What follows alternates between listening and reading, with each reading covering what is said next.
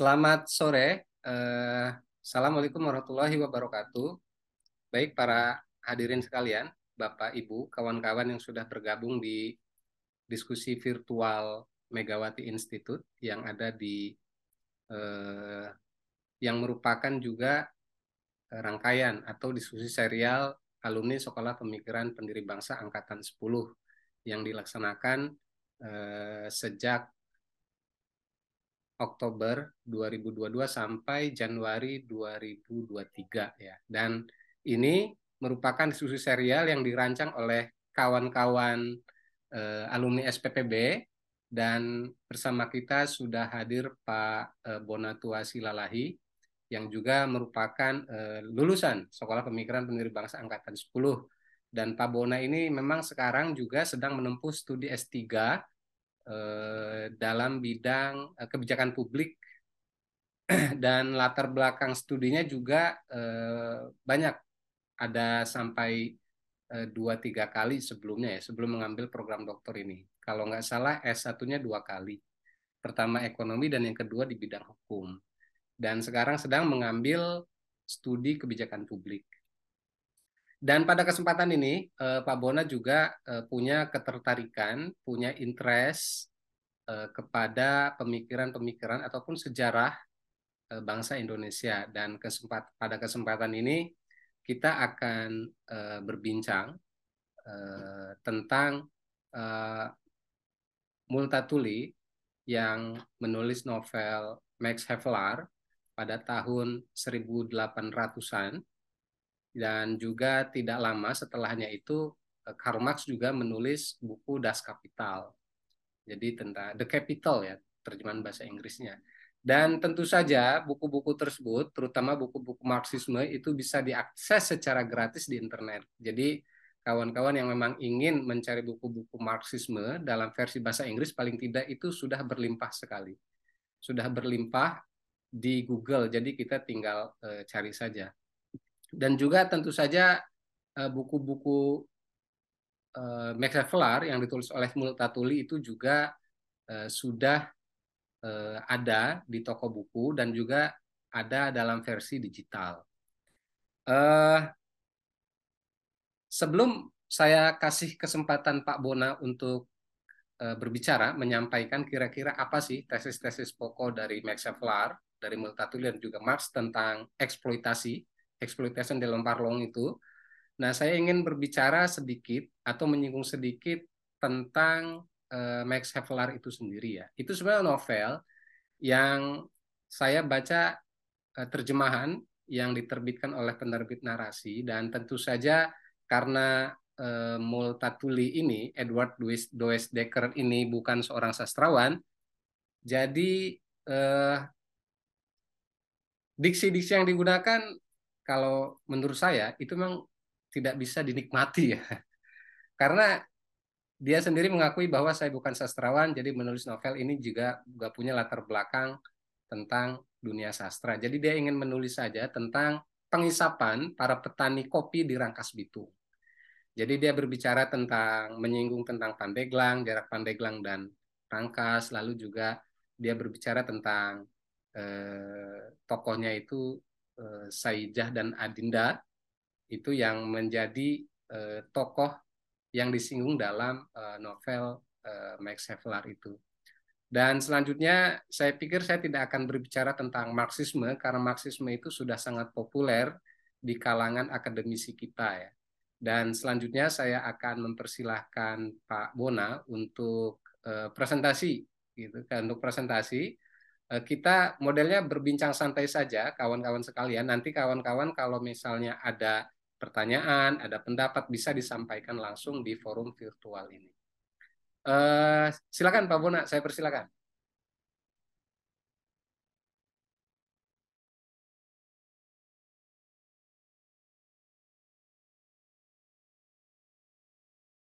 Masih mute Pak Bona?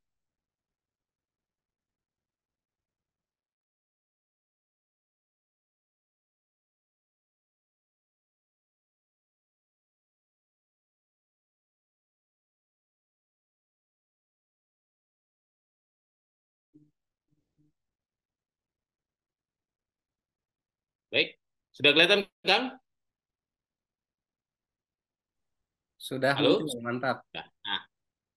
Suara terdengar jelas ya? Jelas, aman. Nah. Silakan. Baik, terima kasih. Assalamualaikum. Uh, selamat siang. Salam Pancasila. Merdeka, Salam Pancasila. merdeka, merdeka. Merdeka. Jadi terima kasih ya buat uh, Megawati Institute, khususnya buat Kang Dide nih selaku perwakilan manajemen. Uh, kita dikasih ruang untuk uh, memenuhi visi misi Megawati Institute, yaitu menjadi think tank ya, memberikan cara-cara berpikir kita tentang pendirian bangsa ini, pemikiran pendiri bangsa. Terima kasih juga buat teman-teman nih uh, eh, SPBB. Ya, saya harap nanti saya berharap teman-teman juga akan uh, pada gilirannya nanti akan seperti saya kita saling sharing saja karena tidak ada yang lebih pintar dalam berolah pikir ya. Mungkin hanya kemasan cara metodenya saja yang berbeda, tapi isinya itu, juga. Uh, adapun yang saya mau apa dikasih kesempatan di sini adalah seperti tadi yang dia kasih penghantar oleh Kang Dida tentang uh, Multatuli versus Karl yaitu ter terkait dengan pengisapan atau ini ini bahasanya agak-agak keras ini Kang Dida ini istilah pengisapan ya. Jadi sebenarnya dia eksploitasi apa eksploitasi sumber daya manusia. Tapi pengisapan memang sering dipakai untuk prasa-prasa di antara penjajah ya dan yang dijajah. Di sini coba di sini ada sengaja saya buat apa pengisapan itu gambar orang tapi dirantai pakai rupiah. Ini menceritakan ya pengisapan dalam ala kapitalisme. Nah, uh, sebagai kita alumni pemikiran pendiri bangsa, tentunya saya harus mengkaitkan dengan uh, jembatan yang kita bicarakan ini terhadap pemikiran pendiri bangsa yang mana. Dalam hal ini, saya ambil pidato Bung Karno pada tanggal 17 bulan 8 1964. Ini pidato kenegaraan terakhir beliau ya. Uh, Makanya disebut juga ini pidato tahun Pipere Pericoloso bahasa Itali, hidup menyerempet bahaya karena menjelang eh, setahun sebelum dia berkuasa sebenarnya beliau di sini sudah mulai apa ya, sudah mulai digoyang-goyang ya. Ah, mari kita coba dengarkan sebentar ya. Revolusi Indonesia menuju tiga kerangka yang sudah terkenal. Revolusi Indonesia menuju kepada sosialisme, revolusi Indonesia menuju kepada dunia baru. Tanpa eksploitasi parlong dan eksploitasi dan asyong Ya, jadi di dalam pidato ini saya mengungkit tentang dunia baru tanpa exploitation par l'homme bahasa Prancisnya yang artinya eksploitasi manusia atau manusia lainnya atau eh, pengisapan tadi, pengisapan manusia penjajah terhadap manusia yang dijajah. Di sini saya mau coba tarik tentang adanya ungkapan Bung Karno tentang dunia baru yang tanpa eksploitasi ini. Berarti kan ada dunia lama yang ternyata apakah benar ada eksploitasi itu. Nah, dari sini coba saya ambil apa uh, literasi lama. Ternyata pada tahun 1864 itu tokoh Hindia Belanda atau tokoh Indonesia dulu, Indonesia zaman now itu Edward Dekker, Dawes Dekker ini pada tahun 1860 mengeluarkan buku yang namanya buku tepatnya novel ya Max Havelaar of the Coffee Veilingeder Nederlandse Handel Maskapai. Jadi kalau kita ingat maskapai Garuda ini sebenarnya dia bicara tentang maskapainya seperti itu. Dan berikutnya adalah toko Eropa bernama Karl Marx. Uh, itu seorang Jerman pada tahun 1864 mengeluarkan buku namanya Das Kapital volume 1. Perlu diingat ya bahwa sebenarnya Karl Marx ini sudah mengeluarkan buku yang namanya Manifesto Politik Komunis ya, Manifesto Komunis itu tahun 1848, jauh sebelum 64. Jadi mungkin pemikiran-pemikiran dia agak-agak ada sedikit kiri ya di sini. Tapi coba kita, saya di sini mengangkat sisi ekonominya. Nah dia nanti bercerita tentang ternyata dia sudah mengamati Indonesia khususnya daerah Banyuwangi ya. Ada di buku Das Kapital itu tentang eh, kehidupan kapital di Banyuwangi. Nah, tanpa panjang lebar saya, saya coba kasih matriksnya. Uh, mungkin kalau teman-teman ada yang mau langsung menyelah nggak apa-apa ya. Seperti tadi uh, Kang Dida bilang. Di sini saya kasih matriks perbedaannya bahwa pertama untuk jenis buku, Multatul itu ternyata ya jenisnya novel roman. Roman pun ya kayak ada semacam dialog di situ diceritakannya. Dan ini adalah gaya walaupun dia bukan seorang sastrawan, tapi dia adalah pelopor proksi to ketokohan. Jadi sekarang ini banyak ditiru kayak misalnya ada Superman, Batman. Ini justru dia menimbulkan tokoh yang namanya Max Havelaar. Seorang tokoh yang nanti seakan-akan tokoh itu yang bercerita tentang isi kepalanya. Seperti itu. Sementara Karl Marx sendiri bukunya ini adalah ilmu ekonomi. Jadi sebelum ekonomi ini, sebelum ajarannya dipolitikkan ya, tahun 1900-an dipolitisasi politisasi oleh si apa uh, Lenin dipolitisasi oleh Mao Zedong menjadi ilmu komunis apa filosofi komunis ideologi komunis. Dan jenis pendekatan dan datanya sendiri Multatuli itu memakai kualitatif. Makanya tadi seperti saya setuju dengan Kang Dida tadi sehingga dia kurang tajam. Karena kualitatif ini biasanya persepsi pribadi jadi pasti dia kurang ada sedikit balance-nya karena dia menarik ke sendirinya sendiri. Kalau dia bilang salah ya salah, namanya juga Persidia ya. Nah, sangat berbeda dengan Karl Marx yang sifatnya mix method. Dia sudah kualitatif, dia kuantitatif juga. Makanya kita nanti tidak hanya kita dibuat fair, artinya menilai sesuatu ada ukurannya. Dia banyak menyajikan angka-angka dalam buku-buku itu. Jadi misalnya kalau kita bilang kebanyakan itu oleh kualitatif, bilang banyak. Kalau kalau si Max Havelaar ya 10 itu banyak dari lebih banyak dari 9 seperti itu kira-kira. Sedangkan untuk supaya lebih mengerti kita apa latar belakang buku-buku ini mereka terbitkan, kita saya rasa harus tahu latar belakang penulis itu. Dalam hal ini, Multatuli pekerjaannya dulu paling tinggi adalah setara Bupati Berbumi atau bahasa Inggrisnya asisten residen. Di atasnya itu ada gubernur residen ya, eh, semacam kepala provinsi, bukan gubernur jenderal ya.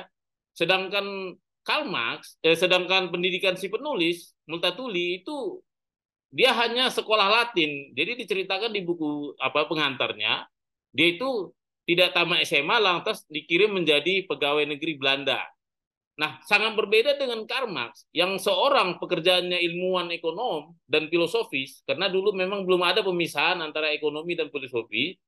Uh, dia juga ternyata penyandang gelar dak, uh, filosofi doktor ya sehingga maka tadi ini ada unsur-unsur kuantitatif ini kuantitatif tadi ini menandakan memang kualitas tulisannya sangat berbobot seperti itu dan untuk lokasi yang diceritakannya tentang lokus delikti uh, delikti uh, kejadian-kejadian di Indonesia itu si Multatuli mengambil posisi uh, kejadian di Lebak Banten kampungnya Kang Dida kayaknya nih nah terus di daerah uh, si Karl Marx itu ngambil uh, tempat di Indonesia yang namanya daerah Banyuwangi serta kota Makassar.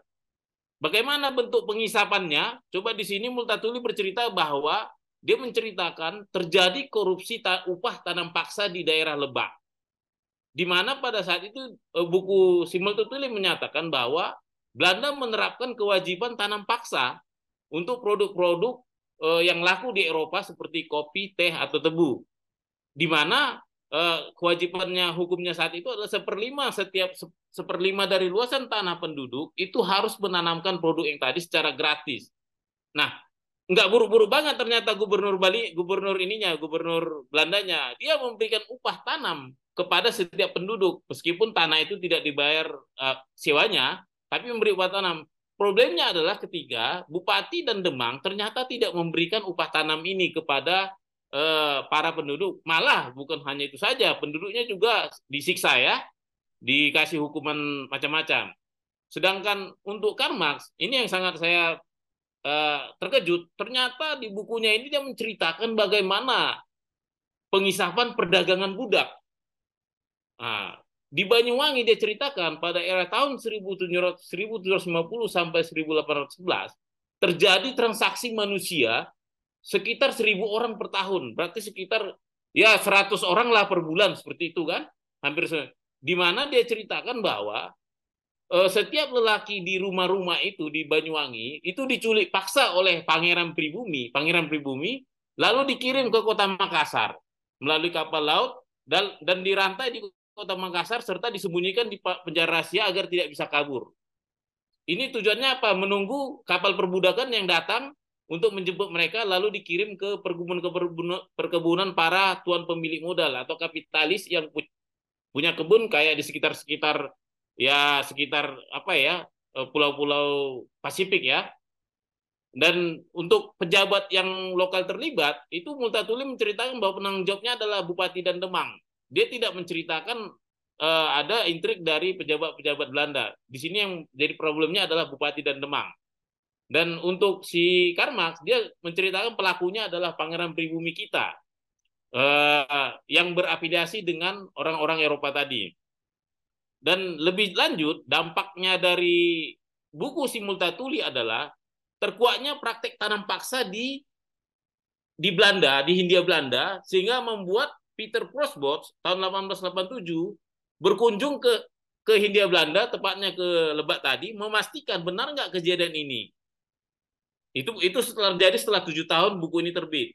Dan ter, dan akhirnya dia menyimpulkan kejadian itu benar. Tanam paksa itu ternyata sangat merugikan sehingga dia mengajukan ke parlemennya untuk dilakukan politik balas budi. Dan ini ini terrealisasi pada zaman eh, eh, anaknya si Multatuli itu Dos Dekker ya tiga serangkai. Cucunya sorry. Dan dampak berikutnya adalah di seluruh koloni Belanda saat itu tanam paksa dihapuskan, termasuk di Suriname. Sedangkan untuk Karl ini dampaknya ternyata lebih sangat sangat apa ya, sangat masif. Di mana terjadi pergolakan antara teori-teori kapitalisme lawan sosialisme. Kapitalisme ini biasanya diwakili oleh para orang-orang kaya, pemilik modal. Sementara sosialisme ini adalah para buruh-buruh yang tidak punya tanah, para buruh pabrik. Dan di kalangan elitnya terjadi pergolakan penganut ekonomi klasik, yaitu penganut ajaran Adam Smith dan Ricardian, versus penganut ajaran ekonomi Marxis. Jadi nanti di sini kita pisahkan ada dua sistem jadinya, sistem ekonomi dan sistem politik. Ah, dan dampak berikutnya pada Indonesia adalah pada saat Soekarno di berdasarkan dari nanti ada saya kasih tahu ininya jurnalnya, jurnal nasionalnya bahwa disebut Soekarno pada tahun 1965 eh sebelum setahun sebelum eh, kejadian PKI dia sudah menasionalisasi perkebunan-perkebunan di Belanda dan pertambangan di eh, perkebunan di, di Sumatera Utara dan di termasuk di eh, Freeport. Dia menolak investasi asing sehingga saat itu Freeport yang waktu itu banyak diinvestasi oleh Amerika yang sudah melakukan ekspedisi 1905 merasa kecewa ini adalah gejolak dari eh, pengaruh buku si Karmak tadi, menolak kapitalisasi. Sehingga akhirnya eh, karena tidak adanya kesadaran di barat, itu sampai sekarang di dunia itu masih terjadi perdagangan manusia, bahkan di Indonesia ya. Beda berbeda tadi dengan yang tanam paksa yang di, terjadi di yang diceritakan oleh Multatuli yang sama sekali dihapuskan. Sedangkan untuk tanggapan masyarakat sendiri, nah di sini terjadi kontrasisi juga di, di Indonesia Multatuli itu dianggap pahlawan masyarakat Hindia Belanda saat itu. Bukan malah dibenci tapi menjadi malah dianggap pahlawan dan bukunya bebas beredar. Sangat berbeda dengan Karl Marx ya. Dia dimusuhi oleh para pemilik modal negara-negara kapitalis. Dia menceritakan bahwa negara Belanda, Prancis, Jerman, Inggris, Spanyol dan Prancis adalah negara yang sudah menjelma menjadi kapitalis. nah, kapitalis yang sebenarnya adalah yang muncul dari negara-negara koloni-koloni mereka yang berpraktek kapitalis dengan cara mem, mem, apa, mem, memperbanyak perkebunan-perkebunan tebu, nanti tebunya dikirim ke ke Eropa. Bahkan saking sedihnya karena dimusuhinya kan Max ini dia meninggal tanpa kewarganegaraan karena dia ditolak di mana-mana kewarganegaraannya. Dan dampak lebih lebih Lanjutnya adalah buku-buku si Karl Marx ini sempat dilarang bebas beredar, ya kecuali di akademisi. Di akademisi. Namun eh, karena adanya perbedaan pandangan di di antara Eropa, Eropa terbelah dua waktu itu jadi Eropa Barat dan Eropa Timur, di mana Eropa Timur justru membebaskan ajaran-ajaran Karl Marx ini.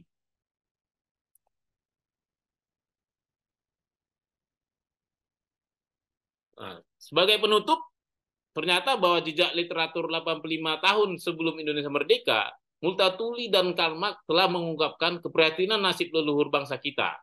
Pengisapan tenaga penduduk oleh pemerintah pribumi Hindia Belanda pada tanam paksa di Lebak dan perdagangan ribuan penduduk sebagai budak di Banyuwangi itu ada yang dilakukan oleh pangan pribumi itu benar-benar ada.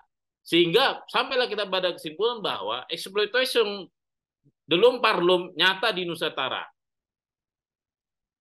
Dan sebagai referensi saya ambil dari Lembaga Arsip Nasional Republik Indonesia, ada juga buku Karl Marx yang sudah saya bagikan dan Multatuli yang juga sudah saya bagikan. Dan nanti kalau teman-teman berkenan mau baca jurnal Simpson ini nanti ada juga saya bagikan. Sekian dan terima kasih. Eh, kalau ada kekurangan mohon dimaafkan dan selanjutnya saya serahkan ke kembali ke moderator. Baik, Kak Bona, eh, harus di stop dulu share screen-nya. Ya. Itu tadi eh, perbandingan ya yang bisa kita lihat bahwa sebenarnya eh, eksploitasi itu memang terjadi, tetapi ada beberapa perbedaan eh, antara lain eksploitasi di apa namanya di di Indonesia, maksudnya di lokasi yang ditulis oleh Multatuli itu lokasi Langka, Rangkas Bitung itu kan memang pengisapan yang dilakukan oleh eh, orang Indonesia sendiri, ya. yang mana itu juga dari dulu eh, apa bupati yang tidak amanah ya, bupati yang tidak amanah, jadi sebenarnya itu ada semacam ganti rugi atau ada semacam insentif dari pemerintah kolonial tapi tidak disampaikan. Terlepas insentif itu adil atau tidak, nah itu kan kita eh, apa? Yang jelas bahwa itu tidak ada amanah yang dijalankan oleh para bupati ketika itu. Terus yang ke tadi juga Pak Nur Asasi itu juga komentar bahwa sebenarnya bahkan di abad sekarang pun itu kan ada bupati yang mengerangkeng ya, ada bupati yang mengerangkeng para pekerja rumah dan perkebunan dengan modus rehabilitasi korban narkoba. Jadi memang masih ada eh, berlangsung sampai saat ini terus. Yang menarik itu tadi ada perbandingan tentang eh, itu ya Max juga eh, berbicara tentang menyinggung Banyuwangi yang sebenarnya itu juga merupakan area dari eh, perbudakan juga tentang pengisapan. Nah, kawan-kawan, kalau yang ada yang ingin disampaikan, ada ide atau ada pendapat dan pertanyaan untuk didiskusikan silakan bisa menggunakan fitur angkat tangan lalu akan saya buka eh, apa akan saya buka eh, ininya mute-nya. Ada? Silakan.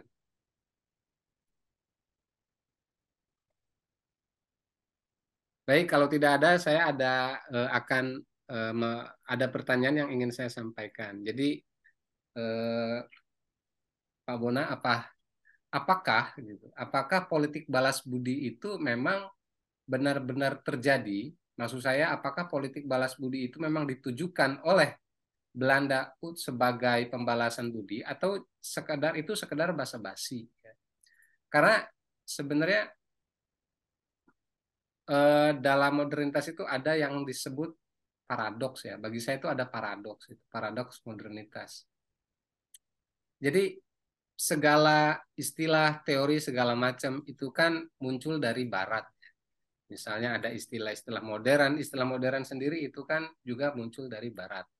Jadi yang di dalamnya itu berbicara tentang kesetaraan, humanisme, egalitarianisme, lalu juga eh, apa namanya eh, demokrasi dan semacamnya. Tetapi di sisi lain kolonialisme juga berasal dari barat.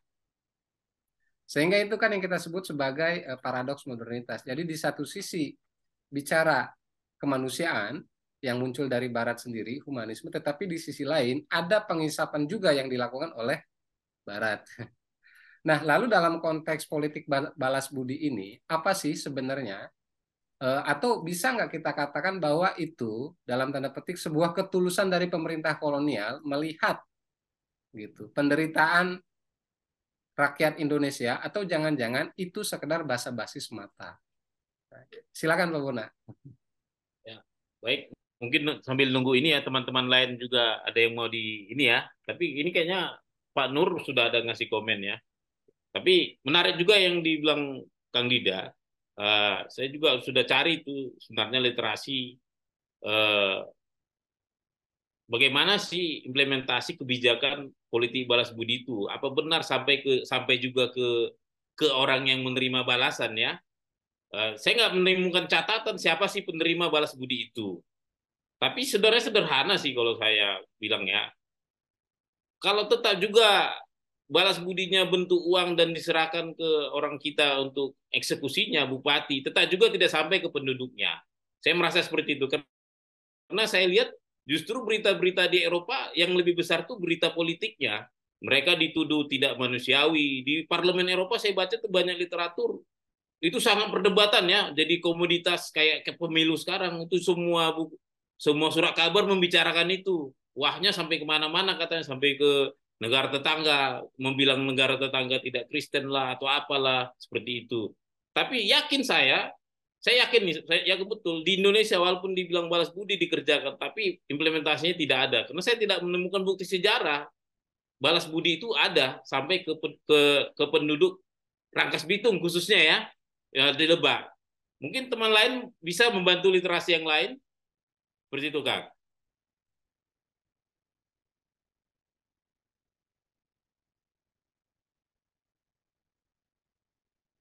Jadi balas budi itu hanya sekedar basa-basi. Omong-omong itu juga se, se yang penulisan e, Multatuli itu 1850-an itu sezaman juga dengan Abraham Lincoln itu ya Pak Bona di Amerika Serikat. Di situ juga kan bagaimana Lincoln itu juga e, kampanye dia itu kan antara lain itu menghapuskan perbudakan yang banyak ditentang ya.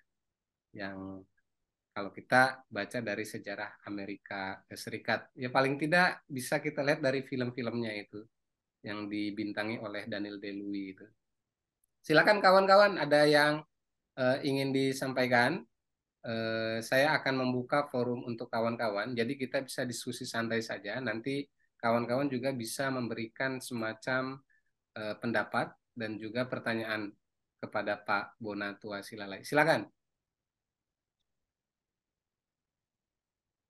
Ya, silakan Faisal Maulana.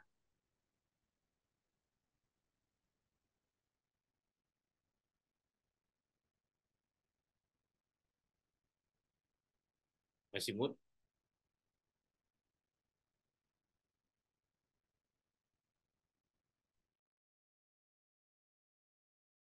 Silakan, Bung Faisal.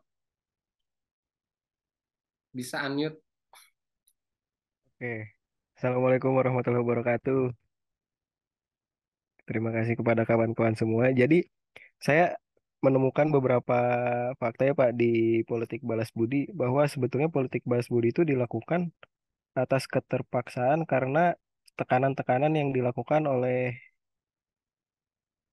akademisi-akademisi di luar pemerintahan Pak. Jadi ketika dilaksanakan balas budi pada awalnya dilakukan dengan sangat apa ya disebutnya dengan sangat semangat tapi kemudian mereka melihat bahwa ini akan menjadi ancaman.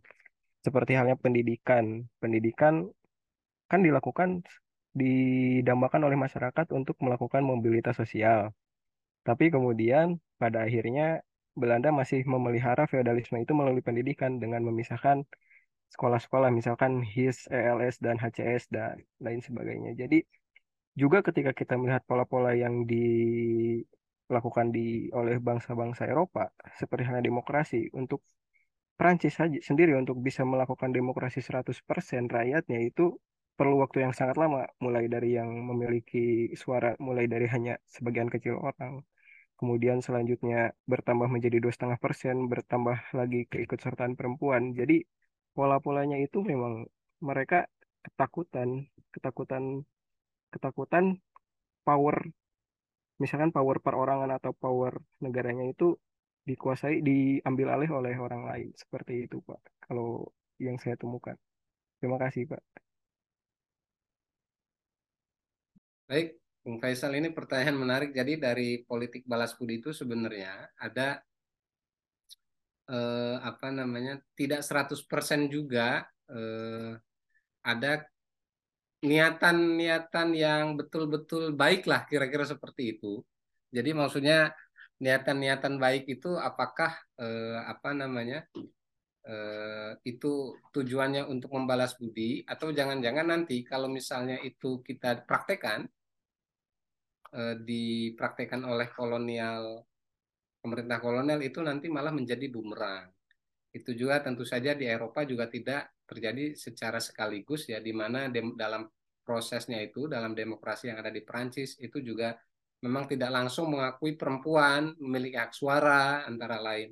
Lalu juga tidak semuanya juga bisa berkontribusi, bisa memberikan hak pilih dan semacamnya. Lalu ini juga ada Pak Mas Wadio, silakan Mas.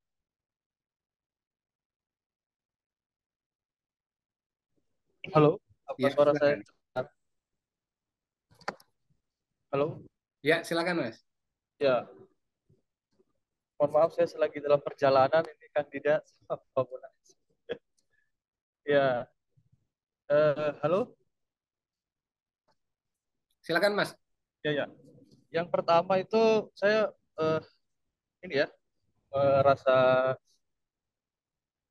uh, merasa senang mendengar uraian Pak Bona yang baik sekali uh, yang terpikir pada saya itu ketika membicarakan Marx itu adalah Hegel.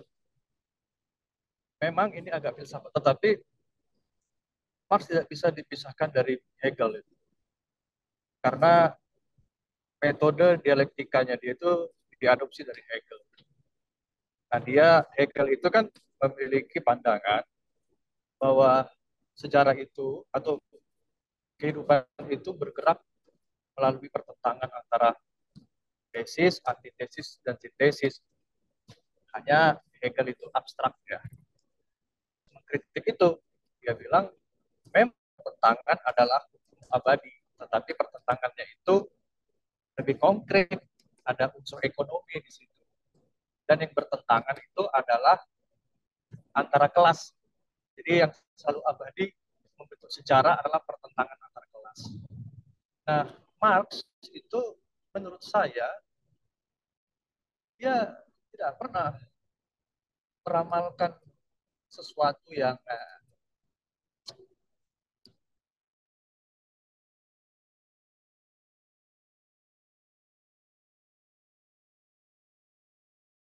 Ya, Mas Wadyo, jadi ketika kita berbicara tentang Marx, ya itu kita tidak bisa melepaskannya dari filsuf besar Hegel ya. Karena Marx itu juga memang e, murid dari e, filsuf besar Hegel. Dan salah satu e, gagasan Hegel itu adalah tentang dialektika ya. Jadi ada tesis, ada antisesis dan akhirnya menjadi sintesis dan itu juga eh, kira-kira yang mengilhami Marx dengan eh, perumusan pertentangan kelas dalam sejarah. Sambil menunggu Mas Wadyo, eh, Pak Bona silakan apakah mau berkomentar dulu atau ada yang lain? Ini ada Pak tadi Pak Jonov hendak berkomentar. Silakan Pak Jonov. Ya, terima kasih Kang Dida. Mohon izin juga kepada Pak Bona jadi kalau kita mendengarkan mengenai sejarah kolonialisme Belanda, kadang-kadang kita seperti lupa atau menutup mata ya apa yang diwariskan oleh pemerintah atau VOC ya Belanda. Ada jalan kereta, ada jalan pos, Anyar Panarukan, ya. kemudian gedung-gedung, rumah sakit, perkebunan, ya. Jadi eh, itu semua kasat mata ya, empirik. Jadi Belanda tuh meninggalkan juga banyak. Dalam hal ini yang kita sebut sampai dengan eh, akhir masa eh, kemerdekaan, itu Belanda yang diwakili oleh VOC. Nah, sejak saya SD itu selalu didengungkan bahwa ada kerja paksa ya, ada kerja paksa Belanda melakukan kerja paksa khususnya eh, Jalan Anyer Panarukan. Kemudian beberapa tahun yang lalu ada seorang profesor dari LIPI mengatakan bahwa itu bukan kerja paksa, ya, karena ada uang upah dari POC melalui bupati. Jadi bupati-bupati sepanjang jalan itu dititipkan uang untuk dibayarkan kepada para pekerja di daerah itu. Nah, saat itu kemudian diperkuat oleh hasil penelitian Profesor Anhar Gonggong pada podcast bersama uh, Akbar Faisal Unsensor ya bahwa uh, sudah sejak lama itu korupsi berjalan, gitu ya. korupsi berjalan. Uh, dan tidak ada sebenarnya politik balas budi. Belanda itu ini berdasarkan data, dia fair, ya. Ini harus dibayar.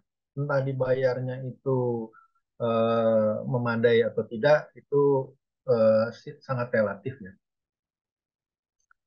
Jadi uh, masyarakat kita yang yang khususnya uh, generasi muda itu beranggapan bahwa Belanda itu kejam kolonial ya menghisap membawa uang sampai 9.000 triliun katanya ya. saya nggak tahu juga kita coba cari dapat dari mana itu kan 9.000 ya. tapi eh, kita lupa bahwa ada jalan kereta di Jakarta ada kanal-kanal ya dan sebagainya jadi Belanda itu meninggalkan juga legacy meninggalkan aset-aset yang sekarang masih bisa kita manfaatkan masih bisa kita manfaatkan. Nah, berkaitan dengan hal tersebut, ya, jadi saya mengutip dari penjelasan Prof. Anhar Gonggong, kita jangan melihat penghisapan lagi yang terjadi pada zaman Belanda tersebut, tapi kita lihat cikal bakal terjadinya korupsi. Nah, jadi korupsi itu ternyata sudah terjadi sejak saat itu, ya. Dan sampai saat ini justru makin marak gitu ya, makin marak. Bahkan Profesor Mahfud MD mengatakan korupsi itu terjadi di bawah tanah. Di bawah tanah itu maksudnya di dalam pertambangan ya. Di atas tanah, bahkan di udara. Wah, serem juga ya. Nah, ini bagaimana e, kaitannya penghisapan pada masa lalu dan oleh orang asing ya. Ya, itu biasa kolonial tapi justru sekarang pengisapan oleh bangsa sendiri.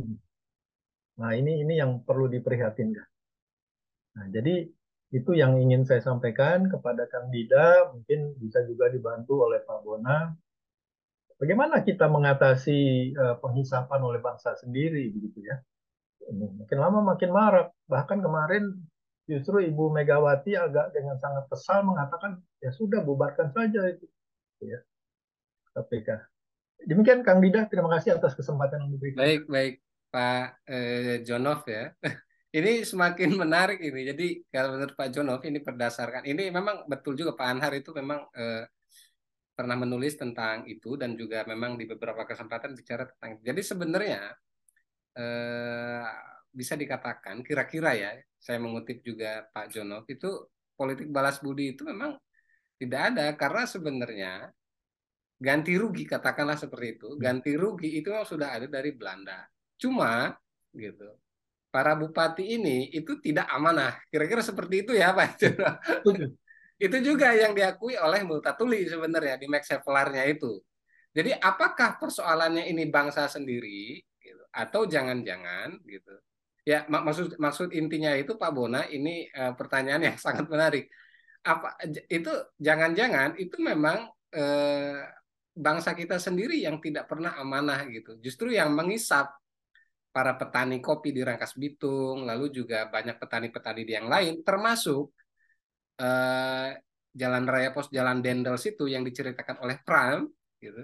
Itu sebenarnya ada ganti ruginya, cuma centeng-centengnya, demang-demangnya, bupati-bupatinya itu tidak amanah, sehingga itu tercatat dalam sejarah sebagai eh, apa namanya kerja paksa dan semacamnya silakan Pak Bona. Saya kira uh, uh, ingin di dikomentari dulu oleh Pak Bona ini. Sedikit tambahan Kang Dida. Silakan, silakan Yang Pak. menarik itu yang apa yang disampaikan oleh Anhar Gonggong, Prof. Anhar Gonggong, bahwa eh, kerajaan Ottoman, Ottoman itu yang sangat perkasa pada masanya, itu kalah runtuh bukan oleh peperangan, tetapi oleh korupsi, gitu ya.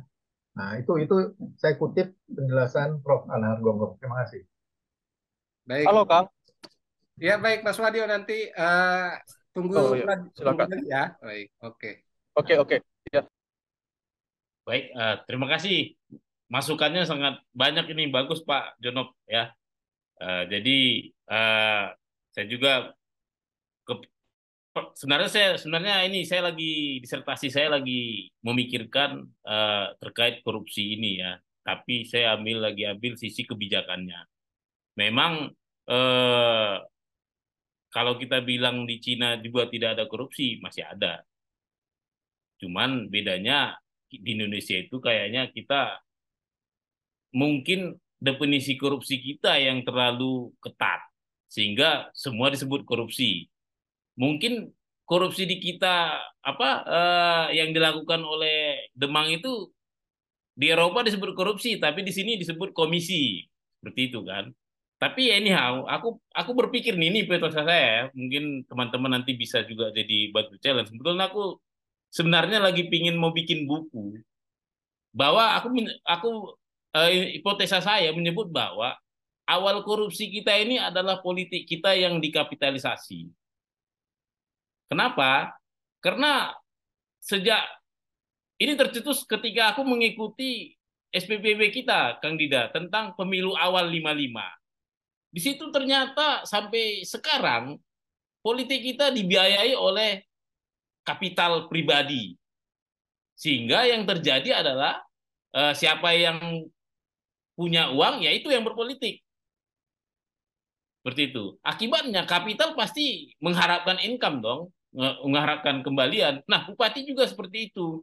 Mungkin dia juga bupati-bupati dulu, dia juga bisa begitu karena kapital dari orang tuanya. Seperti itu. Atau dia mungkin berangkat merangkat dari Demang juga disuruh jadi Demang kamu harus nyetor sekian. Ya Demangnya juga mau nggak mau ke bawah jadi memaksa seperti itu. Eh, memaksa kutipan-kutipan tadi, memaksa sunat menyunat tadi seperti itu.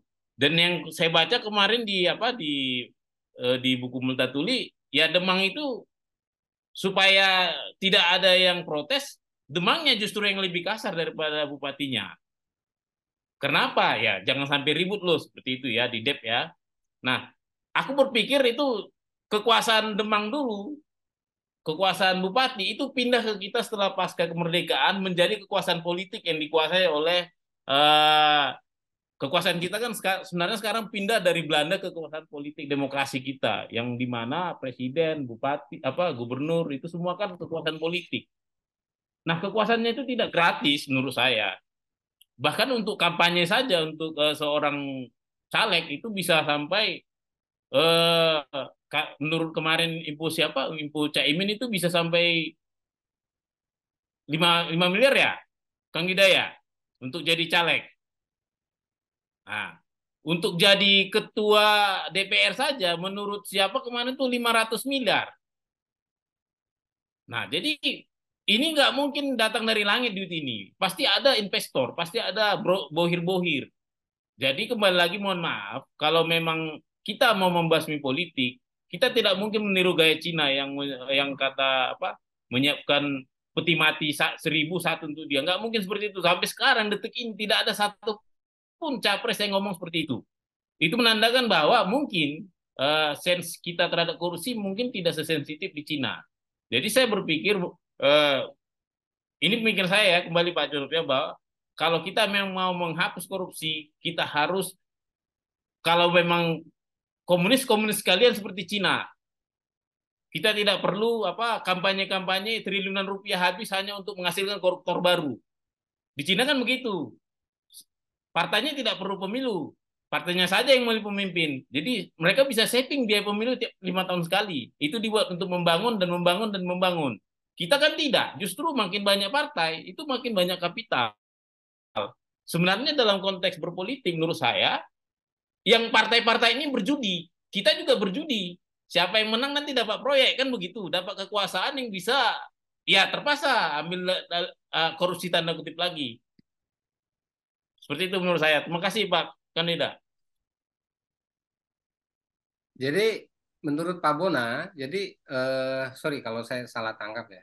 Jadi bisakah kita itu memberantas korupsi sendiri gitu ya selama definisi korupsi tadi itu beragam kan eh, Pak Bona kan di kebijakan publik dan tentang eh, disertasi tentang itu ya jadi sebaiknya itu apa yang harus dilakukan apakah mengubah definisi korupsinya gitu agar tidak termasuk ke dalam kategori korupsi atau eh, apa atau ada alternatif silakan Pak Bona kalau saya sih Pak kandidat pertama, ya politik kita harus dirubah.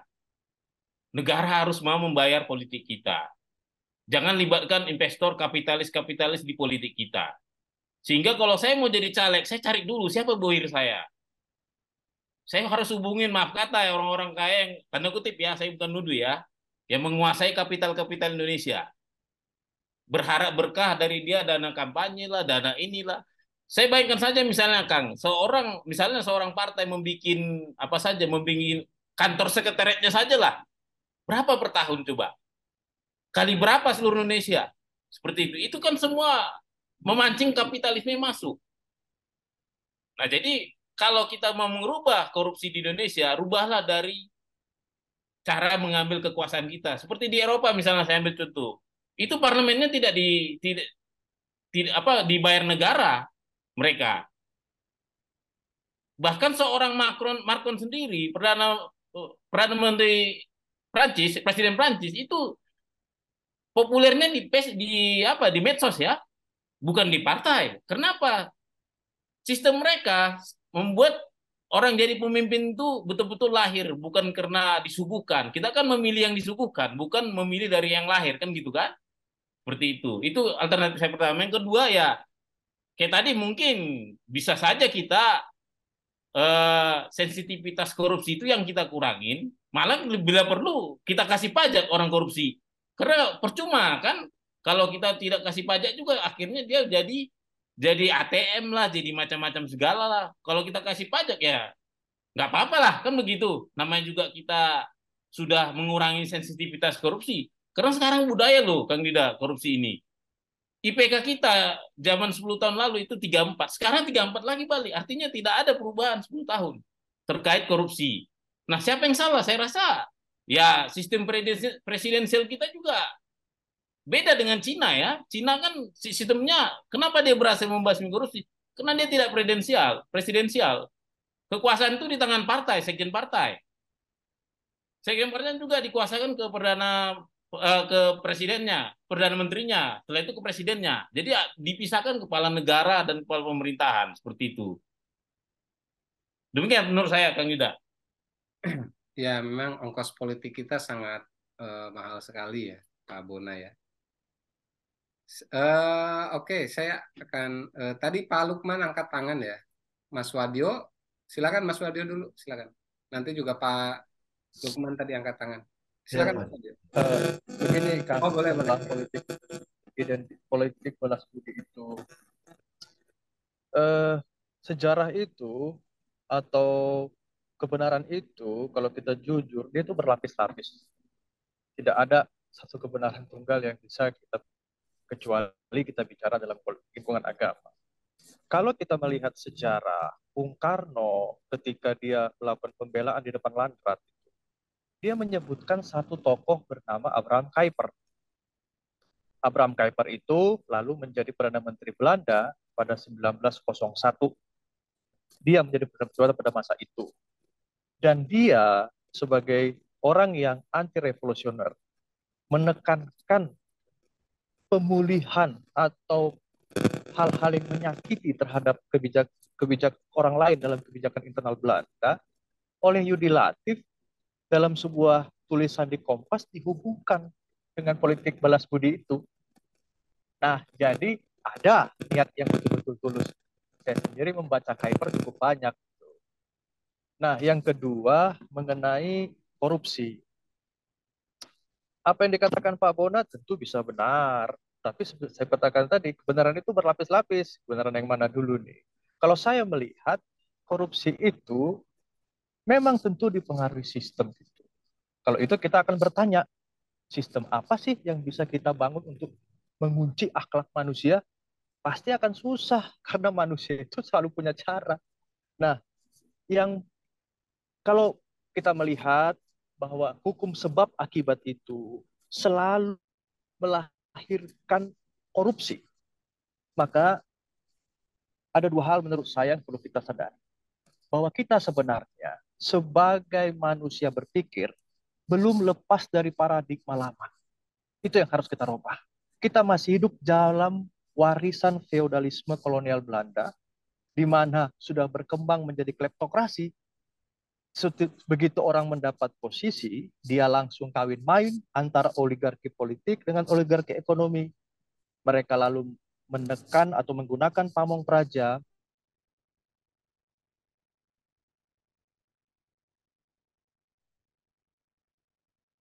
Baik, Mas Wadio eh, terputus kembali. Tapi pada intinya eh, ada dua hal. Pertama itu tentang sistem ya yang mem mem memungkinkan itu korupsi. Terus yang kedua tentang politik balas budi yang sebenarnya iya. ya Mas Wadio ya silakan.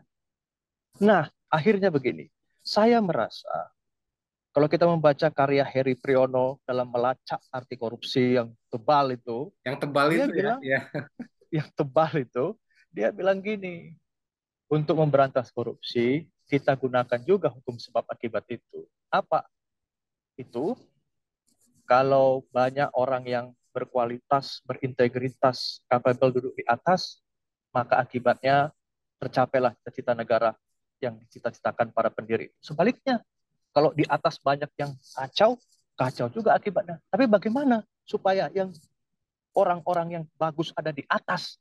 Bagaimana merubah itu seperti kata Pak Bona? Kita memang harus membangun gerakan bersama, kata Hannah Arendt itu, yang mulai seperti ini, dan terus menyuarakan apa yang kita sebut sebagai optimisme atau uh, realistis, melihat gelas itu setengah kosong. Gitu. Saya tidak berani untuk mengkonsepkan ini cara terbaik, tapi saya serasa perlu untuk meyakini kita masih hidup dalam atmosfer feodalisme kolonial lama dan kita harus terus menyuarakan itu sampai banyak nanti orang seperti kita. Entah kapan itu terjadi, saya nggak tahu. Itu aja, Kang. Baik, baik, Mas Wadio. Jadi eh, sudah eh, bisa ditangkap. Pertama itu soal eh, pendapatnya tentang politik balas budi, lalu juga yang kedua ini tentang korupsi itu sendiri ya dengan dengan eh, sangat komprehensif tadi disampaikan oleh Mas Wadio ya. Lalu selanjutnya ada uh, Pak Lukman silakan. Terima kasih Pak. Assalamualaikum ya, dan selamat sore. Selamat sore, Pak ya, terima kasih Pak Bona. Uh, tadi mohon maaf saya terlambat masuk, tapi uh, ada beberapa satu hal yang ingin saya tanyakan. Lukman dari mana, maaf? Saya dari Maluku Utara, Pak. Oh, Maluku Utara, baik. Iya, Maluku Utara. Uh, gini Pak, Tadi kan disampaikan dalam slide yang terakhir uh, bahwa pada 1887 itu Peter Brosov itu kan uh, sempat berkunjung ke Indonesia dan kemudian uh, mengusulkan untuk dilaksanakannya politik balas budi.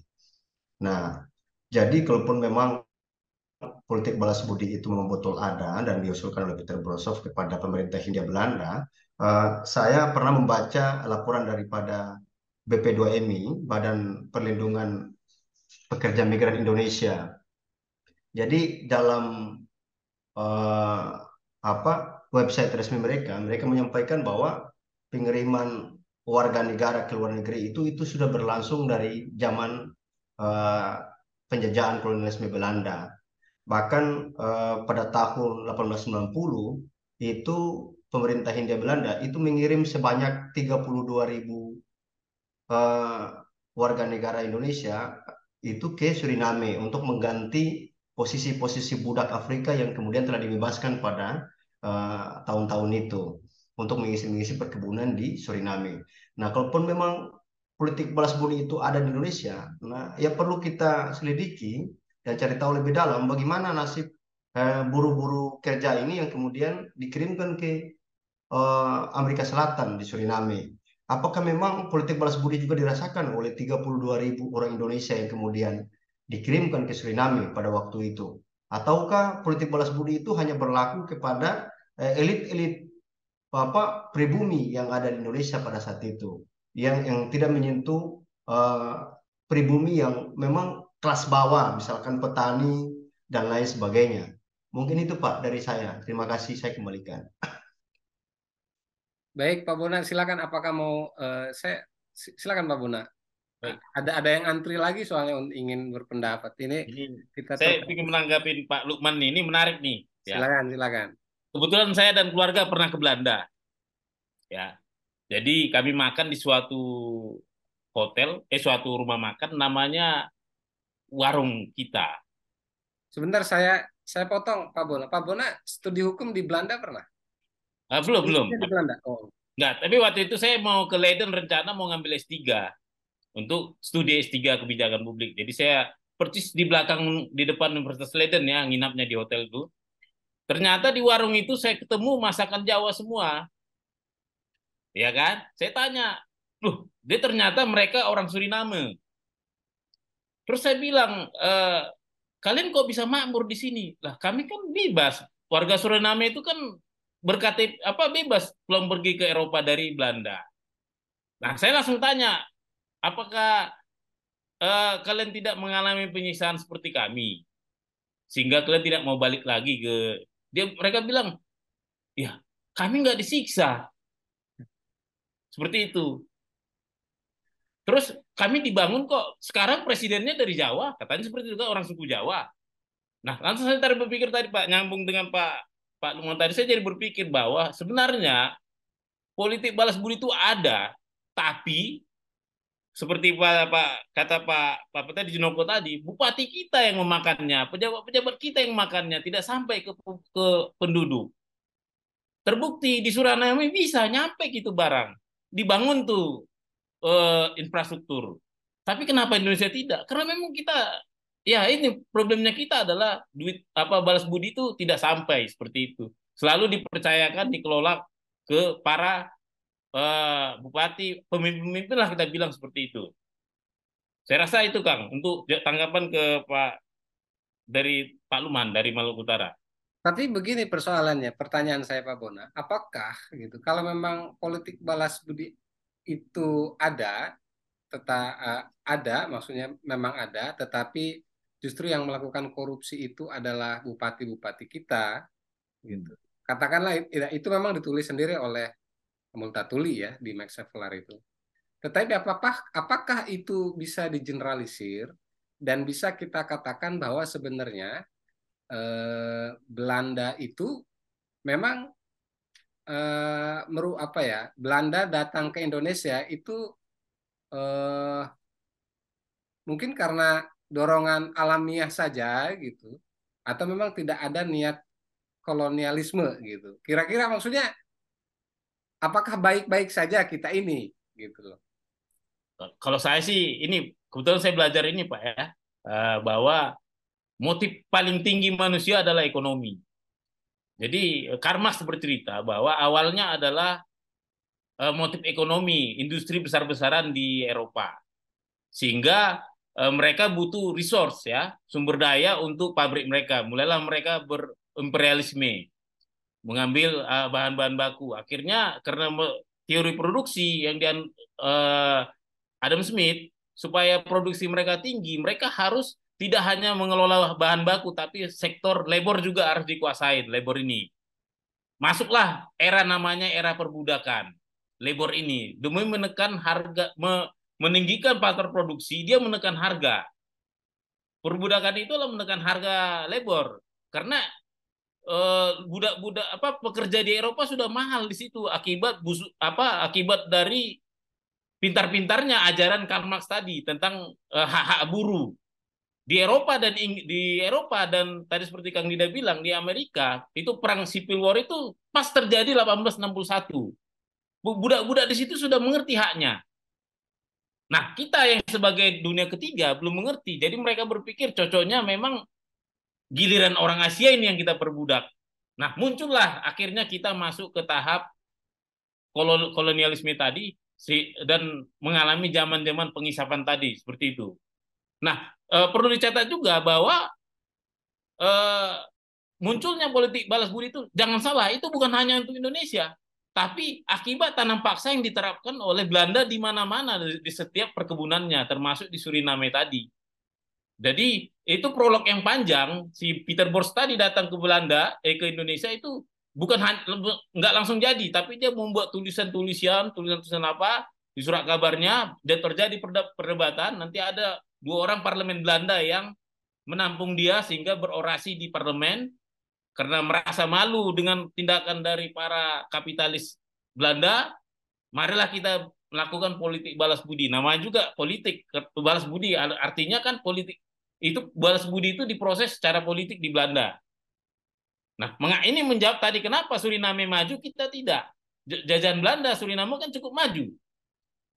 Seperti itu. Karena memang korupsi kita lah yang buat seperti itu, Kang.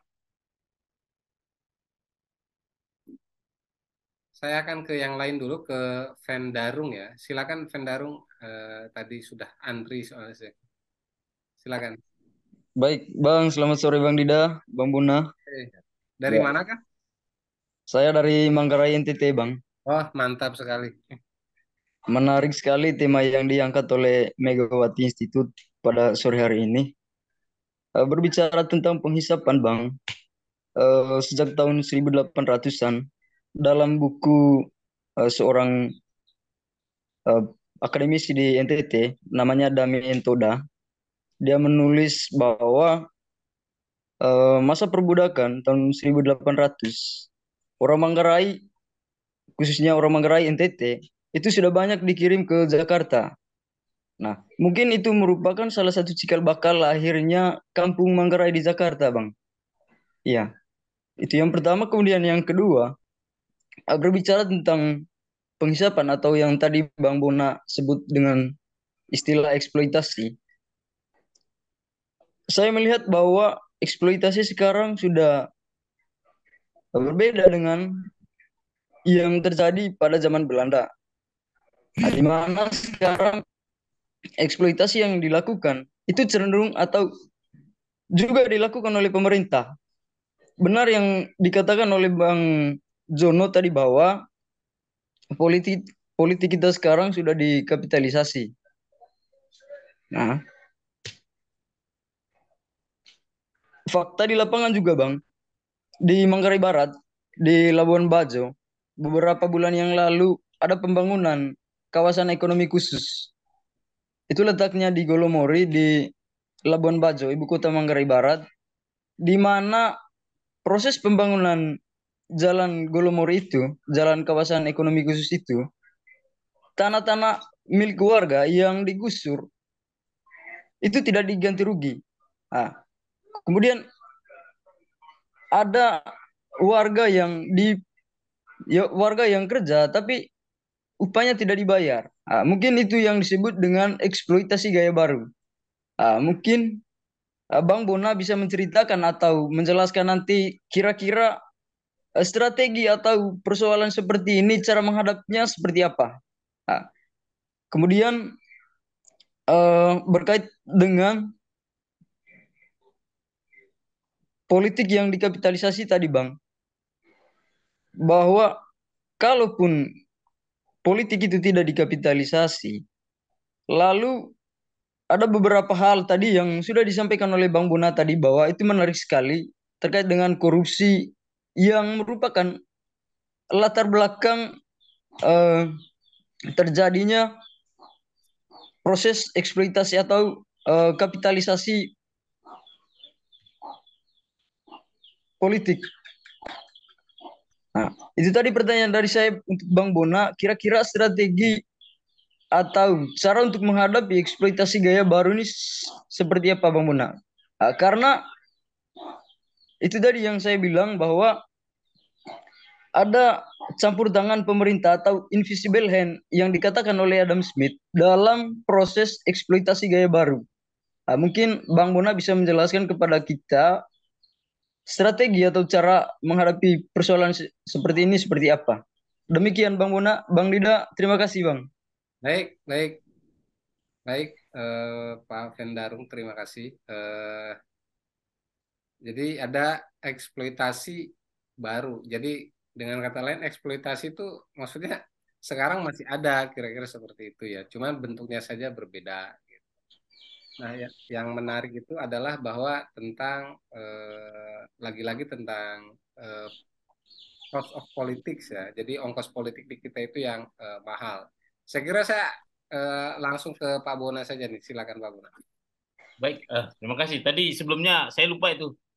Eh, Mas Wadio belum ada tanggapan kita, tapi menurutku Mas Madio nggak bertanya ya, tapi ngasih ngasih ini ya, masukan insight ya. Nah, jadi untuk Ya, ya. untuk ini eh, Kang Darung ini Pak Pondarung menurut saya mengenai tadi ada dua jenis eksploitasi gaya baru di sana yaitu tanah tidak diganti rugi dan upah tidak dibayar. Aku sebenarnya mengikuti kasus ini ya. Kebetulan saya kan ahli juga di bidang pengadaan barang jasa. Jadi aku tahu persis bahwa kasus ini adalah pembangunan eh, infrastruktur di sana yang dikerjakan oleh karya-karya ya. Jadi problemnya ini sebenarnya bukan di eksploitasi manusia aja, tapi negara bayar sebenarnya itu eh, proyek-proyek itu dengan bayar tanda kutip, mungkin bayar dalam bentuk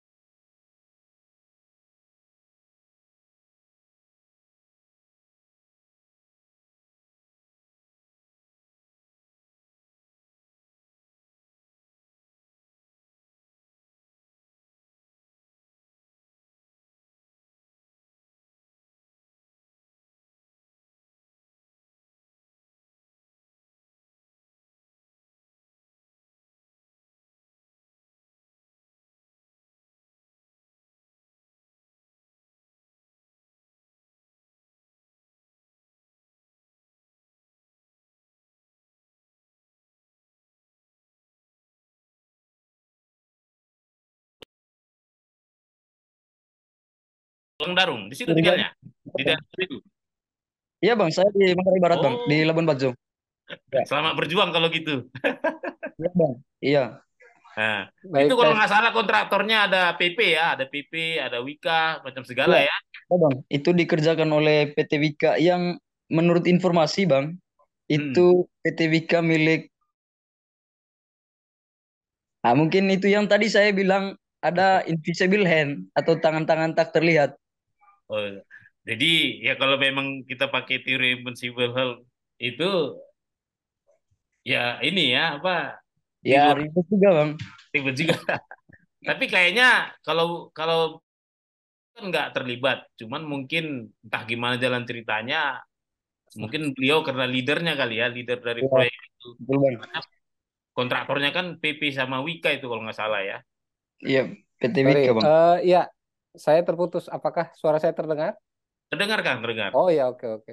Nah, untuk Jadi yang menurut yang eksploitasi gaya baru yang tadi ini apa ya? Saya kurang ngerti ya. Tak, dalam politik tadi, tapi kembali saya bilang bahwa saya setuju dengan yang dibilang apa eh, Kang Bang Wadio tadi bahwa kebenaran itu berlapis. Jadi saya sih me- menganggap bahwa eh, sistem politik kita lah yang ini anggapan saya yang mungkin nanti suatu saat ya insya Allah nanti saya akan tulis buku juga tentang ini. Bagaimana politik kita yang berbiaya mahal yang dikapitalisasi sehingga menghasilkan eh, bukan korupsi menurut saya tapi investor ya investor politik yang berharap cepat cepat cepat mendapat return of investmentnya. Seperti itulah. Begitu menurut saya Kang Dida.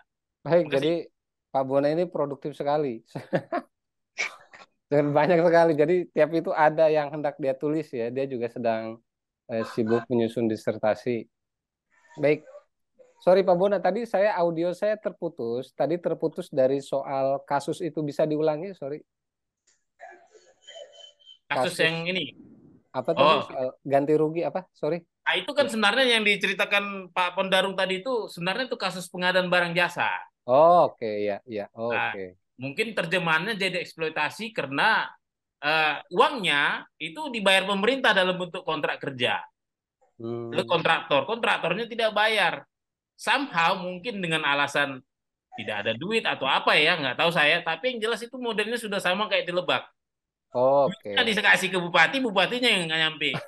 Ya kan, entah bupatinya kecopetan di jalan kan bisa aja kita nggak tahu ya. Nah, jadi kasusnya yang di eh, infrastruktur yang tanah tidak dibayar dan upah subkon pekerja tidak dibayar, menurutku itu lebih ke kasus pengadaan barang jasa, kontrak pemerintah seperti itu Kang. Oke. Dan itu kasuistis ya, kira-kira seperti itu. Iya, aku berani ngomong gini karena aku kan memang ahli pengadaan barang jasa ya, Oh, ahli baik. pengadaan barang jasa Jadi dan memang dan yang perusahaan-perusahaan yang disebut itu juga aku kenal lah. oh. Jadi memang Pak Bona ini luas sekali pergaulannya itu ya. Kawan-kawan sekalian. Nah, aku beberapa kali jadi konsultan di sana. Oh, baik. Jadi memang bagaikan eh, samudera. betul. Pagi-pagi liangnya bang. Bang benar. Ya, ya. Baik.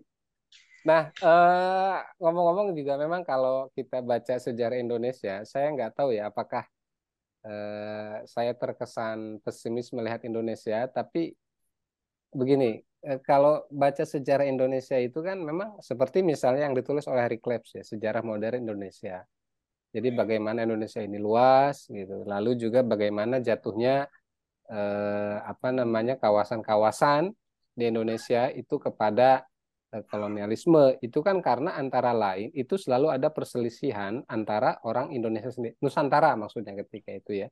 Jadi bahkan ada kerajaan besar yang dia menguasai kerajaan-kerajaan kecil gitu. Lalu juga caranya itu untuk menaklukkannya yaitu kolaborasi dengan eh, kolonial kira-kira seperti itu. Itu juga yang tercatat di bukunya Klebs ya. Yang relatif seingat saya, seingat saya eh, waktu baca buku itu yang relatif tidak terjangkau itu kan Bali ya. Bali itu karena memang dia agak di kalau kita lihat di peta dia beda sendiri sehingga mungkin tidak masuk ke dalam ra- radar penaklukan ya. Istilahnya itu fasal, pakai fasal. Jadi daerah-daerah taklukan. Baik, ini banyak sekali yang disampaikan oleh Pak Bona. Saya akan kasih kesempatan lagi kepada kawan-kawan yang hadir di sini. Ini ada pertanyaan menarik nih di ruang chat ya, di dari Pak Nur Asasi. Jadi bagaimana keadaan Lebak sekarang ini Pak Bona? Jadi apakah Pak Bona itu eh, sudah bermain juga ke sana? Kan Bona ini kan samudra ya, gitu kan Mas Wadio ya. Jadi bagai samudra.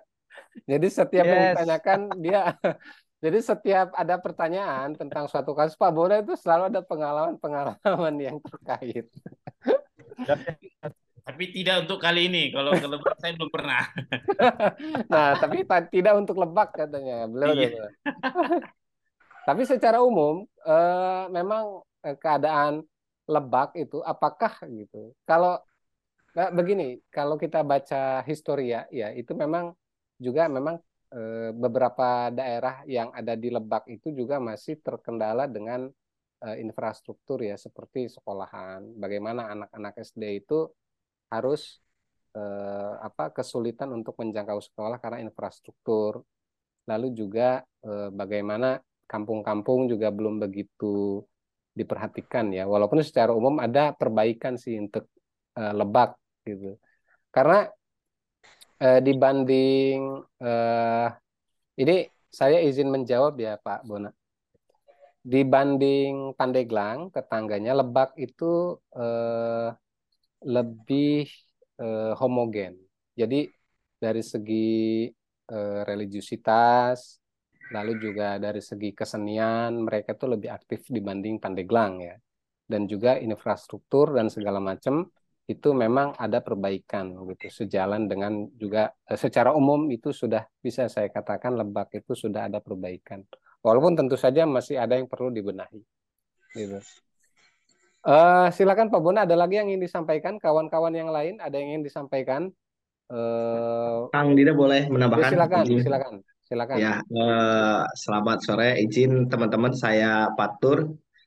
Uh, Pak Bona izin memberi tanggapan aja di sharing lah lebih ke arah sharing. Saya kebetulan sekarang ini uh, menye sudah menyelesaikan studi di UIN ya di Ciputat, tinggal di Ciputat juga. Tapi dulu uh, sekitar tujuh tahun lalu, uh, sekitar tujuh tahun lamanya dari Sanawiyah kemudian SMA sekolah itu di Lebak di Rangkas. Sekolah saya belakang-belakangan dengan gedung Multatuli itu Museum Multatuli di Rangkas Bitung. Saya SMA N 1 Rangkas Bitung. Kalau teman-teman ke sana pasti melewati sekolah itu. Uh, saya ingin menanggapi sebetulnya dengan kondisi Lebak hari ini yang Ya tadi kan Mas Dida juga bicara soal lebak dan lain sebagainya. Ya memang secara politik, pembangunan dan lain sebagainya cukup tertinggal. Cukup tertinggal. Infrastruktur dan lainnya cukup tertinggal. Kalau saya melihat uh, sudut pandang saya justru uh, apa yang diperjuangkan Multatuli saat itu jauh penafsirannya hari ini yang uh, apa diimplementasikan oleh pemerintah uh, daerah Kabupaten Lebak gitu. Dulu juga sama Multatuli selaku penjajah misalkan justru berlawan dengan dinasti politik atau kerajaan di sana. Jadi kalau melihat kondisi Lebak saat ini pun ya cukup mengkhawatirkan. Misalkan pendidikan soal sejarah e, Multatuli sendiri, nggak pernah saya zaman sekolah itu diceritakan oleh apa guru atau e, kawan-kawan atau senior-senior di sana itu bicara soal Multatuli dan lain sebagainya. Justru saya mempelajari Multatuli ketika saya sudah nggak di Lebak gitu kira-kira. Nah, artinya ini juga jadi apa eh, prihatin kita ya, prihatin saya secara pribadi terhadap generasi hari ini di Kabupaten Lebak. Saya cek misalkan tanya ke kawan-kawan di Kabupaten Lebak nanya soal Multatuli ya, mereka cuma tahu ada museum Multatuli gitu kan, ada festival Multatuli. Tapi nggak tahu esensi sejarah dari perjuangan Multatuli itu seperti apa, nggak nggak ada yang sadar ke arah sana atau minim yang sadar ke arah sana. Memang Makanya saya turut uh, apa mengapresiasi gerakan MI untuk menyadarkan dan mengingatkan kembali perjuangan yang sudah dilakukan oleh Max Sepelar itu kan. Tapi sisi lain tadi uh, melihat penafsiran uh, di bawah sudah terlalu jauh tafsiran terhadap uh, politik balas budi yang sudah digemakan oleh Max Sepelar di Kongres Belanda saat itu. Nah, saya malah agak bergeser penafsiran balas budi itu yang sesungguhnya itu seperti apa pada era hari ini. Misalkan dengan kondisi politik hari ini, kalau dulu itu kan eh, karena kita dijajah sekian lama diperjuangkan oleh Max di sana untuk eh, Belanda melakukan politik eh, etis atau politik balas budi itu dengan membangun sekolah-sekolah dan lain sebagainya sehingga lahirlah tokoh-tokoh hebat dari atau orang-orang terpelajar dari hasil politik etis itu. Nah, politik etis yang dilakukan oleh politisi hari ini di secara realistis gitu. Itu justru berbalik politik etis yang dilakukan. Saya kebetulan cukup aktif hari ini di apa menjadi koordinator-koordinator pemenangan caleg di daerah. Saya pernah menemukan uh, satu case ketemu dengan Dewan sudah dua periode, eh, DPRD Kabupaten sudah dua periode, sekarang mau ketiga periode. Dia pernah cerita begini, Dewan itu katanya eh, kalau saat pencalegan itu nggak pernah tidur katanya, karena harus sibuk kampanye gitu kan. Bentar-bentar warga datang minta apa dan lain sebagainya saat masa kampanye. Tim datang minta pertolongan dan lain sebagainya. Artinya kurang tidur selama masa kampanye atau bisa dihitung nggak tidur selama masa kampanye itu. Makanya kata satu dewan itu kalau Setelah terpilih ketika kita, dia baru bisa tidur ya. Ya, kalau Setelah ketika terpilih. kemudian kita terpilih, maka itu jatah kita untuk tidur katanya. Karena selama masa proses kampanye gitu kan, dia nggak tidur. Nah, ini ini case case yang benar gitu. Ketika saya bertemu dengan salah satu orang ini gitu, saya ya secara nurani prihatin gitu dengan sosok uh, wakil rakyat kita gitu kan itu kalau di, di daerah. Artinya ini kan saya menafsirkan, saya juga membaca sedikit soal politik balas budi yang ditulis oleh Karl Marx gitu dan diperjuangkan di Belanda sana. Nah, apakah kemudian itu bisa ditafsirkan sebagai politik balas budi juga? Sehingga saya berpikir bahwa ini tafsiran yang sudah kelewat batas gitu kan. Dia menafsirkan politik balas budi yang ya sebetulnya kan sama-sama pembalasan kan begitu ya. Sama-sama pembalasan. Dia menganggap bahwa saya sudah berjuang habis-habisan ketika saya sudah mendapatkan porsinya gitu kan. Nah, berarti saatnya juga saya memuas-muaskan diri gitu kan untuk menikmati hasil jerih payah saya ini. Nah, geser lagi kita sederhanakan dan lebih faktual ke skala yang lebih kecil. Di daerah itu apa di tingkat kepala desa itu ternyata pertarungan eh, kos politiknya yang tadi dibilang Mas Gida bahwa hari ini ya gaya eh, kolonial eksploitasi itu salah satu penyebabnya karena kos politik yang besar. Nah, benih-benih ini memang terjadi sampai skala paling kecil, itu kepala desa kepala desa itu kos politiknya jauh lebih besar ternyata daripada uh, mencalonkan diri sebagai anggota DPRD. Money politiknya terang-terangan begitu. Nah sama sama juga dia kepala desa juga sehingga kemudian menafsirkan karena kos politiknya besar, ketika dia menang maka ada pembalasan terhadap kos yang sudah dikeluarkan.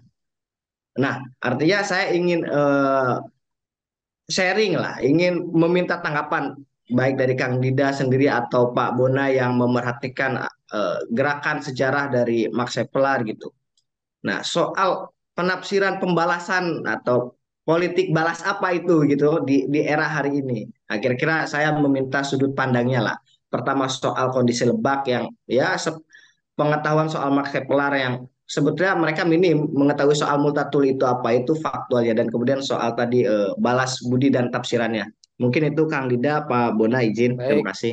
Baik, Kang Fikri. Ini bisa dikatakan eh, curahan hati orang Lebak sendiri lah, Pak Bona ya, karena Kang Fikri ini kan orang Lebak, tapi tahu Multatuli belakangan setelah dia itu selesai sekolah eh, menengah perta atas ya, setelah SMA.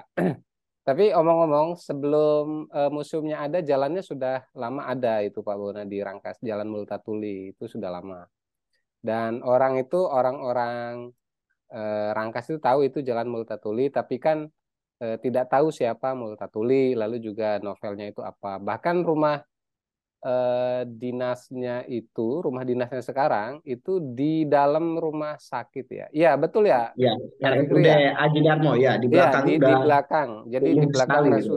Aji Darmo, tapi itu memang tapi sudah sudah diamankan dulu ya, meski belum dirapikan, belum di di apa istilah dibangun ulang atau apa gitu. Nah, terus yang kedua itu soal uh, lagi-lagi politik balas budi. Saya terkait itu silakan Pak Bona. Terima kasih nih sudah jujur apa nambah wawasan juga kondisi uh, Lebak itu bagaimana ya. Jujur saya uh, hanya sampai Rangkas Bitung doang, tapi ke Lebak itu belum sampai ke Multatuli belum. Jadi uh, terkait kondisi politik tadi yang dinasti politik, saya rasa uh, itu sangat manusiawi. Selagi tidak ada larangan, why not ya? Ya jangankan itu, kita tahulah, nggak usah kita sebutlah. Uh, gimana sih perpolitikan di kita bukan hanya di skala daerah Lebak saja, di Banten juga kan dulu skala provinsi begitu juga. Bahkan akhir-akhir ini banyak yang saya baca komen-komen di skala nasional juga terjadi, cuman nggak karena Megawati itu tidak tidak merasa tidak perlu membicarakan itu ya, Kang ya. Uh, karena juga topik kita nggak ke situ larinya seperti itu. Dan uh, tadi berikutnya apa saya lupa tadi kondisi kondisi di menyikapi kondisi di Lebak terhadap balas budi itu ya saya rasa cukup sederhana menurut saya. Namanya juga politik balas budi. Kalau dibaca-baca itu kayak kayak kayak seperti iklan di rokok. Merokok dapat me, apa? merusak ini kan kalau di dirubah-rubah penggalannya kan jadi beda. Politik titik itu balas budi kan gitu kan? Makanya orang berpolitik sekarang di apa sistem serangan pelajar nanti berharap balas budinya ya kasih ini dong suara dong kan begitu. Kalau kita mau konotasi sederhananya, meskipun eh, kalau saya baca di dokumen Belanda itu politik balas budi itu artinya luas, membangun manusianya, membangun orang-orang yang selama ini sudah dirusak penduduk-penduduknya. Eh, dalam hal eh, salah satunya memang pen, apa pendidikan ya infrastruktur seperti itu.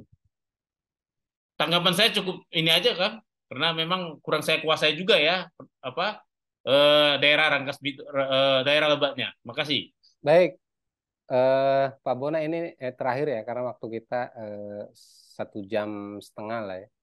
Nah, eh, terakhir kira-kira apa sih yang bisa kita pelajari dari eh, diskusi kita pada kesempatan ini? Karena kan eh, kalau kita iseng bertanya ngapain sih ngomongin sejarah masa lalu, apa pentingnya? Kira-kira seperti itu ya. Kalau apa? Kalau hal-hal yang normatif sih, kalau normatifnya kan kita belajar sejarah untuk masa depan kita supaya kita belajar dari kesalahan normatif seperti itu. Tapi Eh, kira-kira menurut Pak Bona mengaji eh, novel Max Havelaar ini lalu juga membandingkannya dengan Marx yang juga berbicara tentang eksploitasi di Banyuwangi. Nah, itu apa gitu? Apa sih pentingnya gitu?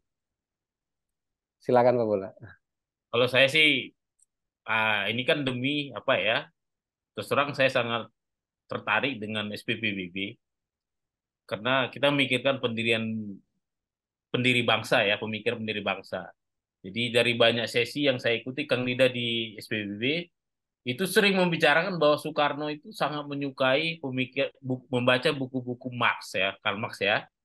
Sehingga ada menduga bahwa yang namanya Marhen itu justru adalah uh, Marx ya, Hegel dan apa? Engels.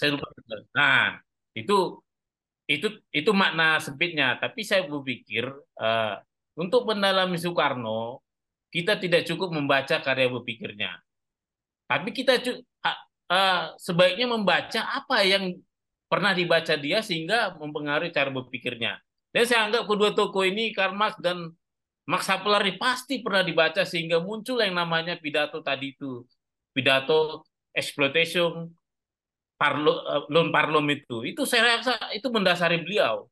Kenapa? Terbukti bahwa eh, mak, eh, si Multatuli menceritakan eksploitasi di Lebak tahun 1864. Saya yakin bukunya itu boomingnya mungkin dikeluarkan 1860, tapi nyampe ke Indonesia, saya yakin bukunya tahun 1900-an ya awal yang mungkin saat itu Bung Karno lagi kuliah ya di ITB.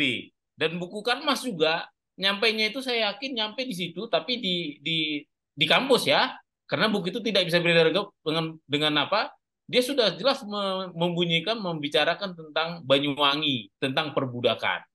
Jadi message-nya bahwa eh, come on bahwa Soekarno bilang revolusi kita belum berhenti sebenarnya. Revolusi kita cukup, tidak cukup hanya untuk pada saat kita merdeka Belanda pergi. Kita harus lihat ke sejarah bahwa eh Karl Marx dan Marheim sudah bicarakan ini eksploitasi ini. Kita harus berjuang terus. Jangan sampai eksploitasi eksploitasi apalagi eksploitasi gaya baru tadi seperti yang dibilang uh, teman kita tadi itu itu kita harus ikut andil untuk uh, mewujudkan cita-cita revolusi Bung Karno.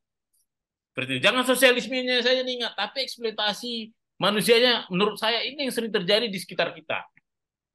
Salah satu akar dari eksploitasi adalah korupsi.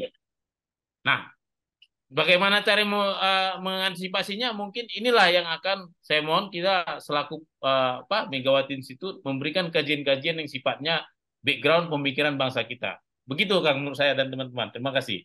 Baik, terima kasih Pak Bona. Jadi uh, diskusi yang sangat menarik.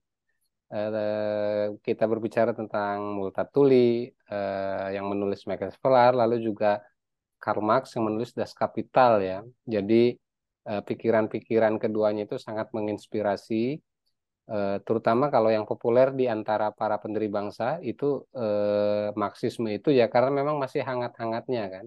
Jadi Marx hidup itu lalu ke masa para pendiri bangsa, kalau kita runut itu generasi pertama kira-kira generasinya eh, Haji Umar Said Cokroaminoto, lalu juga ada Tirto Adi Suryo, lalu ada Haji Agus Salim, yang semuanya itu memang berdekatan ya. Jadi memang masa hidup Marx, lalu ada peralihan politik balas budi, lalu ke setelahnya itu generasi pertama, lalu generasi Bung Karno ya, yang mereka merupakan murid-murid juga dari Cokroaminoto gitu. Uh, baik kawan-kawan sekalian, ini diskusi yang sangat uh, menarik dan tentu saja nanti akan ada tema-tema diskusi yang uh, akan dibahas dan akan kita adakan lagi secara virtual dan juga uh, diskusi serial ini diisi, diisi oleh kawan-kawan alumni uh, Sekolah Pemikiran Pendiri Bangsa Angkatan 10 ya. Di sini ada Pak Bona untuk uh, pertama gitu, lalu juga Eh, ada Mas Wadyo, lalu juga ada kawan-kawan yang lain. Jadi kalau pepatah Arab itu Pak Bona katanya begini ya, al-fadlu lil, lil mubtadi katanya, wa in ahsana al muqtadi. Jadi al-fadlu, jadi keutamaan itu untuk sang pemula gitu. Walaupun nanti yang mengikutinya itu akan lebih baik gitu. Artinya bahwa prinsipnya itu yang pionir itu, pelopor itu selalu mendapatkan keutamaan karena yang lain itu hanya mengikuti. Kira-kira seperti itu. Betul tidak Mas Wadio? Amin, Pak Ustadz. Betul sekali. Baik, Bapak-bapak semua, kawan-kawan sekalian, eh, terima kasih atas perhatiannya dan eh, tentu saja nanti rekaman diskusi ini bisa dinikmati di YouTube dan juga di kanal-kanal eh, siniar ya, Spotify, Apple Podcast dan eh, semacamnya. Terima kasih, selamat sore. Assalamualaikum warahmatullahi wabarakatuh.